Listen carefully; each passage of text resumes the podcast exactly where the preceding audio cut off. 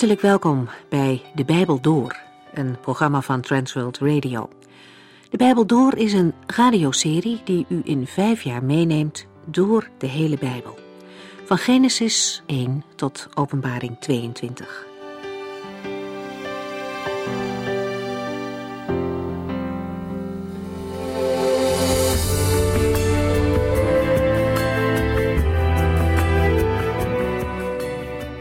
We lezen momenteel 1 Koningen over de tijd van koning Agab. Het is in godsdienstig opzicht een duistere tijd. Koning Agab deed meer kwaad in Gods ogen dan alle koningen die voor hem regeerden. Deze goddeloze koning was met Izebel getrouwd en nam van haar de verering van de god Baal over. Dan stuurt de Heere God de profeet Elia naar Agab. Elia's naam betekent Mijn God is de Heere. Dat alleen al is een getuigenis in het land waar bijna niemand meer de Heere als ware God wil erkennen. Ineens staat Elia in hoofdstuk 17 voor de koning. En zijn introductie is heel kernachtig. Hij zegt, Zo waar de Heere, de God van Israël, leeft, in wiens dienst ik sta, er zal deze jaren geen dauw of regen zijn, tenzij dan op mijn woord. Elia staat voor een koning die van de Heer God niets wil weten. En het eerste wat hij zegt is, er is maar één God in Israël. De Heere is niet één God, hij is de enige God. Hij is een God die leeft, ook al gelooft bijna niemand dat meer. En ik, Elia, sta in zijn dienst. Het is een keuze die hij verderop ook aan het volk Israël voorhoudt. Ze moeten kiezen wie ze willen dienen, de Baal of de Heere God. Een compromis is er niet. Het is ook de keuze voor onze tijd, waarin God nog steeds de enige ware God is, ook al worden er naast hem veel goden gediend. Er komt droogte, maar God wijst Elia de weg naar de beek Krit. Die beek droogt echter ook op na verloop van tijd. Had Elia Gods stem niet goed gehoord? In zo'n situatie kun je dat makkelijk denken, maar geloof wordt soms beproefd.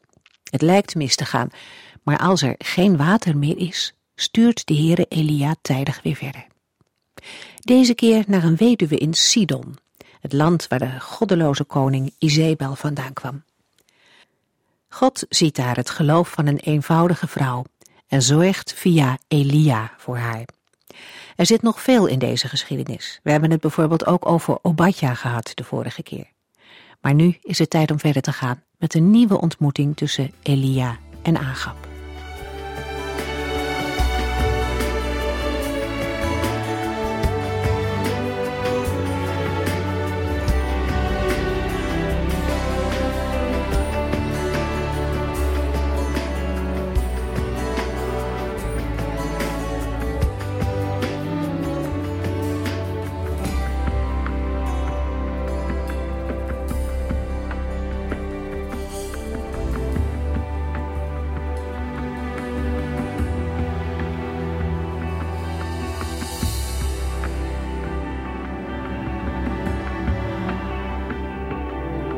In de vorige uitzending hebben we gelezen dat de Heere Elia opdracht geeft zijn schuilplaats te verlaten en naar koning Agab moet gaan.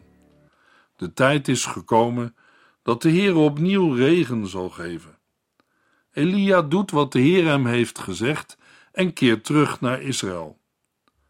Ondertussen had Agab, het hoofd van zijn hofhouding, Obadja, bevel gegeven samen met hem het land door te trekken op zoek naar water en gras. Terwijl Obadja onderweg is, komt hij plotseling Elia tegen. Na een gesprek met Elia gaat Obadja koning Agab halen. De ruime aandacht die uitgaat naar Obadja laat zien dat hoewel het volk als geheel de Heere heeft verlaten, er nog steeds Israëlieten zijn die hem trouw zijn gebleven. Als Agab bij Elia komt, verwijt hij Elia Israël in het ongeluk te hebben gestort. 1 Koningen 18, vers 17 en 18. Toen Agab hem zag, riep hij: Zo, daar bent u dus, de man die deze ramp over Israël heeft gebracht. Niet ik heb deze ramp over Israël gebracht, zei Elia rustig, Maar u en uw familie hebben geweigerd de Heere te gehoorzamen en hebben in plaats van hem Baal aanbeden. Elia verwerpt de aanklacht van Agab. Niet hij, maar Agab en zijn familie zijn verantwoordelijk voor de droogte en de hongersnood. Zij hebben de geboden van de Heere verlaten en zijn Baal gaan dienen. Zonder Agabs reactie af te wachten, geeft hij hem de opdracht een volksvergadering te beleggen op de berg Karmel, waarbij ook al de profeten van Baal en Asherah aanwezig moeten zijn. De berg Karmel is een relatief vochtig gebied, waar de macht van de regengod Baal het grootst zou moeten zijn. Op de Karmel zal de grote confrontatie plaatsvinden. 1 Koningen 18 vers 19 Laat alle Israëlieten samenkomen bij de berg Karmel, samen met alle 450 profeten van Asherah, die door Izebel worden ondersteund. Agab roept alle Israëlieten en de profeten samen op de Karmel. 1 Koningen 18, vers 20 en 21. Agab riep daarop het hele volk en alle profeten samen bij de berg Karmel. Elia richtte toen het woord tot hen. Hoe lang blijft u nog op twee gedachten hinken? Vroeg hij het volk. Als de Heer uw God is, volg hem dan. Maar als Baal God is, moet u die volgen. Maar het volk zweeg. Op de Karmel spreekt Elia het volk toe. Retorisch vraagt hij hoe lang zij nog menen naast de Heere Baal te kunnen dienen. Ze moeten een keuze maken: de Heere of Baal. De woorden van Elia doen denken aan de oproep die Jozua deed in Jozua 24. Bij die gelegenheid riep Israël uit de Heere te willen dienen, maar nu blijft het stil. Het volk gaat de beslissing uit de weg. Ze willen geen keuze maken tussen de Heere en Baal. Het hinken op twee gedachten doet denken aan onze uitdrukking van twee walletjes eten. Daarmee komt deze geschiedenis ook dicht bij onze werkelijkheid. Ook vandaag is er op dat gebied veel verleiding en verzoeking. Een dubbele moraal bij christenen is vaak voor niet-christenen de oorzaak dat ze niets met de kerk of de Heere God te maken willen hebben. Hoe lang blijft u nog op twee gedachten hinken? Maar het volk zweeg. 1 Koningen 18, vers 22 tot en met 24. Elia ging verder. Ik ben de enige overgebleven profeet van de Heere. Maar Baal heeft 450 profeten. Breng twee jonge stieren hier. De profeten van Baal mogen er één uitkiezen, hem in stukken snijden en die op het hout van het altaar leggen, echter zonder het hout aan te steken. Ik zal dan de andere jonge stier klaarmaken en hem op het hout van het altaar van de Heere leggen ook zonder het hout aan te steken. Bid dan tot uw God en ik zal tot de Heere bidden. De God die antwoordt door met vuur het hout aan te steken, is de ware God. Iedereen ging akkoord met deze proef. Daarop stelt Elia een regelrechte confrontatie voor. Twee stieren zullen als offer worden bereid en op het altaar worden gelegd, maar nog niet worden aangestoken. De profeten van Baal zullen Baal aanroepen en Elia zal de Heere aanroepen. De God die zelf het offer zal ontsteken en zo met vuur zal antwoorden, zal zich werkelijk als God hebben betoond. Een dergelijke krachtmeting heeft de instemming van het volk. De reactie van de profeten van Baal wordt niet gegeven, maar ook zij zullen zonder moeite hebben ingestemd met het voorstel. Niet alleen regen, maar ook storm en bliksem werden gerekend tot het machtsgebied van Baal. De profeten van Baal waren zeker van mening dat als er iemand in staat was om met vuur van de hemel te antwoorden, dan was dat Baal. Luisteraar, u zou bij deze geschiedenis kunnen denken dat de mens vandaag zoiets niet meer kan meemaken. Maar ik denk van wel.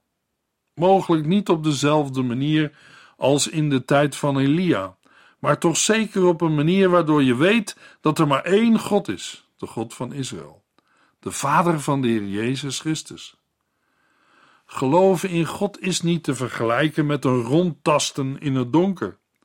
Het berust op concrete feiten en gebeurtenissen. De redding van een mens hangt af van Gods genade en het vertrouwen dat hij of zij stelt in Christus. 1 Koningen 18, vers 25 tot en met 28. Elia wendde zich tot de profeten van Baal en zei: Gaat u maar voor, want u bent met zoveel. Kies een van de stieren, maak hem klaar en roep uw God aan. Maar steek het hout zelf niet in brand. Ze maakte een van de jonge stieren klaar en legde hem op het altaar. Daarna riepen zij de hele morgen Baal aan met de kreet: O Baal, luister naar ons. Maar er kwam geen enkel antwoord. Toen begonnen zij om het altaar te dansen. Rond het middaguur begon Elia spottend commentaar te leveren. U zult wat harder moeten schreeuwen, zei hij, om de aandacht van uw God te trekken. Misschien is hij met iemand anders aan het praten, of is hij ergens druk mee bezig. Wacht, misschien is hij op reis, of zou hij slapen? Dan moet u hem wakker maken. Zij begonnen nog harder te schreeuwen en, zoals hun gewoonte was, zichzelf met messen en zwaarden te snijden, tot het bloed uit hun wonden gutste. Zeker van zijn zaak laat Elia eerst de profeten van Baal een stier uitkiezen en als offer bereiden, aangezien zij in de meerderheid zijn. Heel de morgen en middag roepen zij Baal aan, hinkend om het altaar, maar tevergeefs. Baal geeft geen antwoord. Naarmate de tijd verstrijkt, maakt Elia de confrontatie nog venijniger. Hij bespot de profeten, ze moeten harder roepen, Baal is immers een god. Hij is vast in gepeins verzonken, of heeft zich afgezonderd, of misschien is hij op reis. Het zou ook kunnen dat hij slaapt, en dan moet hij nog wakker worden gemaakt. De bijtende spot van Elia accentueert de machteloosheid van Baal. De profeten van Baal laten zich nog verder ophitsen. Ronddansend om het altaar kerven zij zichzelf tot bloedens toe. Uiteindelijk raken ze in de loop van de middag geheel in extase. Maar Baal reageert niet. De Baal-profeten willen met hun insnijdingen medelijden bij hun god Baal proberen op te wekken. Op de karmel woedt een strijd tussen licht en duisternis, tussen de Heer en Satan. Elia staat als een eenling op de berg Karmel. Het is goed om te weten dat vanaf de berg Karmel de baai van Haifa en de Middellandse Zee is te zien. 1 Koningen 18, vers 29 en 30. De hele middag bleven ze schreeuwen en hielden vol tot het tijd werd voor het avondoffer. Er kwam geen antwoord, geen stem, helemaal niets. Toen riep Elia naar het volk: Kom dichterbij. Iedereen verdrong zich rondom hem, toen hij het vernielde altaar van de Heere overeind zette. Elia treft voorbereidingen voor het offer voor de Heere. Daartoe vraagt Elia het volk dichterbij te komen, zodat men goed kan zien wat hij doet en het volk er zeker van kan zijn dat Elia hen niet misleidt. Elia herstelt een ouder altaar van de Heere dat omver was gehaald, waarschijnlijk op bevel van Izebel. Met twaalf stenen, naar het getal van het aantal stammen van Israël, bouwt Elia het altaar weer op.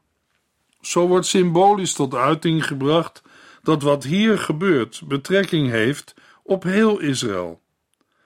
De twaalf stammen worden als één geheel benaderd, ondanks de verdeling in een twee- en tien stammenrijk.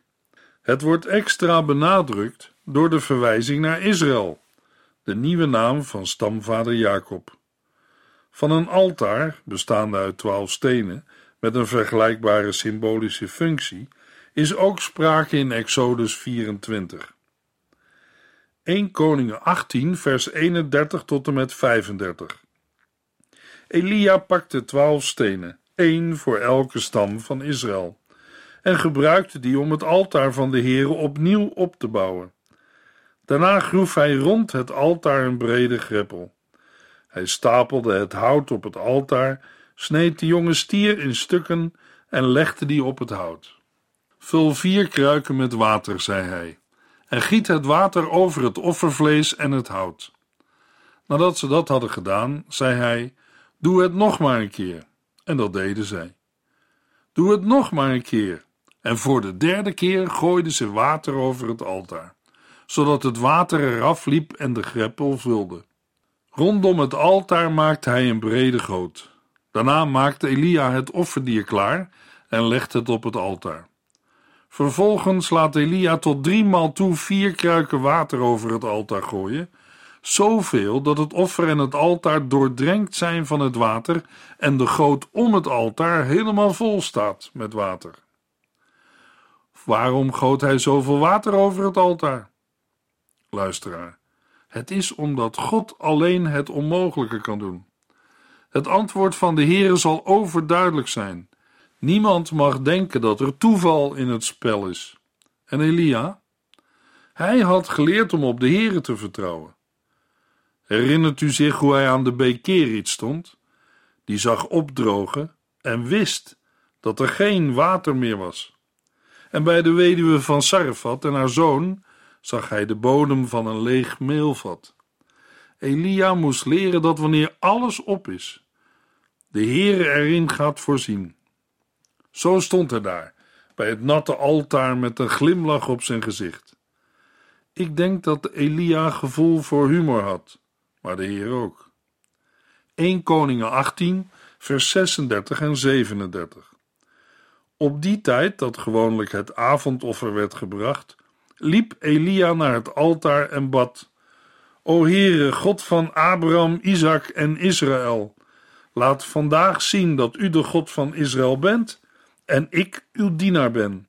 Laat zien dat ik dit alles op uw bevel heb gedaan. O Heere, geef mij antwoord. Verhoor mijn gebed, zodat deze mensen zullen erkennen dat u God bent en dat u hen tot uzelf terugbrengt. Als de tijd voor het avondoffer is aangebroken, stapt Elia naar voren en gaat in gebed tot de Heere. Elia spreekt de Heere aan als God van Abraham, Isaac en Israël. Door op die manier zijn gebed te verwijzen naar het begin van Israëls geschiedenis, is duidelijk aan wie de Israëlieten toebehoren. Zij behoren niet toe aan de Canaanitische god Baal, maar aan de Heere, de God van de aartsvaders, uit wie het volk Israël is voortgekomen. Elia bidt dat de Israëlieten de Heere ook als hun God zullen erkennen en hem als zijn profeet, die handelt naar het woord van de Heere. Net als de profeten van Baal deden, vraagt Elia de Heere hem te antwoorden, opdat de Israëlieten overtuigd zullen zijn dat er maar één God is. De Heer is anders dan Baal. Hij bezit werkelijk goddelijke macht en wil dat hun harten hem opnieuw zullen zijn toegewijd. Het gebed van Elia maakt duidelijk dat hij op geen enkele manier eigenmachtig in staat is het wonder te bewerken. Elia treedt hierop in de naam van de Heere. Dat de derde aartsvader Israël wordt genoemd en niet Jacob, is in overeenstemming met vers 31 en onderstreept dat het hier om de stamvaders van het volk gaat. Elia doet alles in overeenstemming met de Heere. Dat mag een les voor ons zijn. Vaak maken wij plannen en nemen besluiten en vragen dan, met eerbied gesproken, of de Heere de plannen en besluiten wil zegenen. De Bijbel laat op vele plaatsen zien dat ons bidden eerder moet plaatsvinden voor het maken van plannen en het nemen van besluiten. Een gelovige moet wandelen in de wegen van de Heere om zijn zegen te ontvangen. Elia bidt tot eer en verheerlijking van God en de Heere geeft op een bijzondere wijze antwoord. 1 Koningen 18 vers 38 tot en met 40 Toen schoot plotseling vuur vanuit de hemel naar beneden en verbrandde de jonge stier, het hout, de stenen en het stof en verdampte zelfs het water dat in de greppel stond. Toen de mensen dat zagen, vielen zij met hun gezicht naar beneden op de grond en schreeuwden: De Heer is God, de Heer is God. Elia droeg hun op de profeten van Baal gevangen te nemen. Laat er niet één ontsnappen, beval hij. Ze grepen alle profeten, en Elia nam hen mee naar de beek Kizon, waar hij hen allemaal liet doden. Anders dan bij Baal blijft bij de Heere het antwoord niet uit. Een bliksemschicht schiet uit de hemel en verteert het offer, het hout, ja zelfs de stenen en de aarde. Ook het water in de goot kan het vuur niet tegenhouden, maar verdampt direct. Nu blijkt niet Baal over bliksemschichten te beschikken, maar de Heere. Ook bij de inwijding van het altaar in de tabernakel en de tempel daalde vuur uit de hemel neer op een altaar. Hier gaat het niet om de legitimatie van een altaar voor de Heere. Er blijft niets van het altaar over. Maar om een indrukwekkend ingrijpen van God, die zich Heer betoont over natuurkrachten, waarvan de mensen dachten dat ze aan Baal toebehoorden. Er is ook geen sprake van een verschijning van de Heere die met vuur gepaard gaat, zoals in Exodus 3 en 19. Nee, de Heere heeft Baal overtuigend verslagen. En de Israëlieten? Toen de mensen dat zagen, vielen zij met hun gezicht naar beneden op de grond en schreeuwden: De Heer is God, de Heer is God. Zij geven alsnog antwoord op de vraag die Elia hun eerder had gesteld en erkennen de Heer als hun God. De profeten worden in opdracht van Elia meegenomen naar het nabijgelegen Kizondal en daar werden de profeten van Baal en Asherah terechtgesteld. Niet één mocht er ontsnappen. Daarmee voert Elia de bepalingen uit die de Heer in zijn wet, in Deuteronomium 13, heeft geboden. In onze maatschappij wordt godsdienstige beleving in toenemende mate gekenmerkt door vermenging van elementen uit verschillende godsdienstige tradities, ideologieën en bronnen van spiritualiteit. Uit de confrontatie tussen Elia en de profeten van Baal en Asherah blijkt zonneklaar dat de dienst aan de Here een dergelijke godsdienstige vermenging volkomen uitsluit en een exclusieve toewijding vraagt. De Heere, de God van Abraham, Isaac en Jacob, de Vader van de Heer Jezus Christus, is niet te combineren of te vermengen met een ander geloof of godsdienst. Dat blijkt zowel uit het Oude Testament, Exodus 20, als ook uit het Nieuwe Testament. Matthäus 6, vers 24. U kunt niet twee heren dienen, want u zult de ene haten en de andere liefhebben, of omgekeerd. Zo kunt u ook niet God dienen en tegelijk, de mammon, uw hart op het geld zetten. 1 Koningen 18, vers 41. Tegen Agab zei hij, Elia, ga maar vast en geniet van een goede maaltijd, want ik hoor het geruis van een stortregen naderen. Dan keert Elia zich tot Agab, die ook op de karmel aanwezig was. Zijn rol in de gebeurtenissen wordt niet vermeld, maar hij heeft de gang van zaken in elk geval niet tegengehouden. Elia zegt hem te eten en te drinken, want de stortregens zijn in aantocht. Toen Israël zich bekeerde tot de Heere, kwam de regen en daarmee de zegen.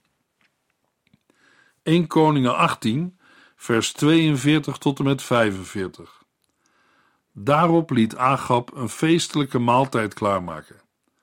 Maar Elia klom naar de top van de berg Karmel en lag een tijd lang uit op de grond. Daarna boog hij ineen met zijn hoofd tussen zijn knieën. Na een tijdje zei hij tegen zijn dienaar: Kijk eens in de richting van de zee. De dienaar deed dat, maar kwam terug bij Elia en zei: Ik heb niets gezien. Elia zei: Ga nog maar een keer kijken. En dan nog een keer en nog een keer, zevenmaal. Ten slotte, bij de zevende keer, zei zijn dienaar tegen hem: Ik zag een kleine wolk, zo groot als een mannenhand, uit de zee opstijgen. Elia riep: Ga snel naar Agab en zeg hem in zijn rijtuig te stappen en naar huis te gaan, anders zal de stortregen hem tegenhouden. En inderdaad, Kort daarna verduisterden grote regenwolken de hemel en een harde wind voerde een zware stortregen aan. Agab reed snel weg naar de stad Jezreel. Agab doet wat Elia zegt en laat een feestelijke maaltijd klaarmaken. Elia klimt zelf verder de berg op. Hij heeft in geloof aangekondigd dat er stortregens komen, maar zelf is hij niet in staat deze te geven. Alleen de Heere heeft macht over de natuur. Daarom knielt Elia neer en bidt hij tot de Heere. Zijn knecht geeft hij de opdracht verder de berg op te gaan, waar hij een beter uitzicht heeft om te kijken of hij al een wolkje ziet. Maar de lucht blijft blauw. Tot zevenmaal toe moet de knecht van Elia steeds gaan kijken. En dan komt er verandering. Hij ziet een klein wolkje, niet groter dan een hand. Snel stuurt Elia zijn knecht naar Agab om hem te zeggen dat hij zich moet haasten om de regen voor te blijven. Elia heeft niets te veel gezegd. Plotseling wordt de lucht zwart en begint het te stortregenen. Opnieuw blijkt dat niet de regengod Baal, maar de Heer de macht heeft over alle leven en vruchtbaarheid. Zo eindigt de droogte op dezelfde manier als het was begonnen, op bevel van de man van God, Elia. 1 Koningen 18, vers 46.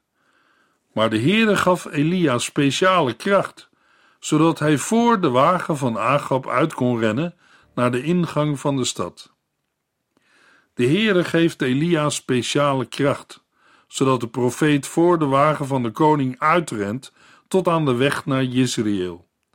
Zo treedt de profeet van de Heere op als heraut voor koning Agab. Het Nieuwe Testament verwijst naar het gebed van Elia als een eenvoudig gebed van een mens zoals wij. Jacobus 5. Gelovigen mogen leven in het vertrouwen dat de Heere die het gebed van Elia verhoorde, ook vandaag zijn kinderen kan en wil verhoren. In de volgende uitzending lezen we verder over Elia en zullen we hem ontmoeten in zijn menselijke zwakheid. We lezen dan 1 Koningen 19 en 20.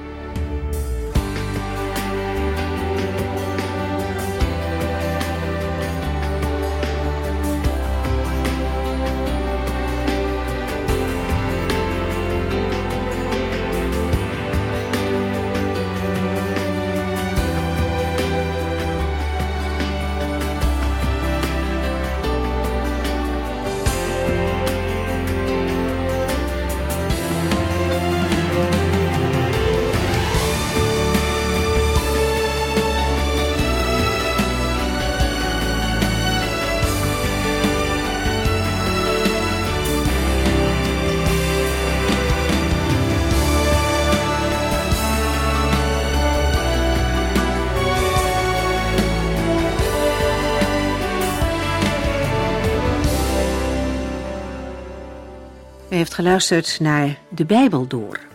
In het Nederlands vertaald en bewerkt door Transworld Radio. Een programma waarin we in vijf jaar tijd de hele Bijbel doorgaan. Als u wilt reageren op deze uitzending of u heeft vragen, dan kunt u contact met ons opnemen. Tijdens kantooruren kunt u bellen op 0342 47 8432. 0342 47 8432. 32. Ook kunt u een e-mail sturen naar de Bijbel door transworldradio.nl en natuurlijk kunt u ook via de post ons bereiken. TWR, postbus 371, postcode 3770, AJ in Barneveld.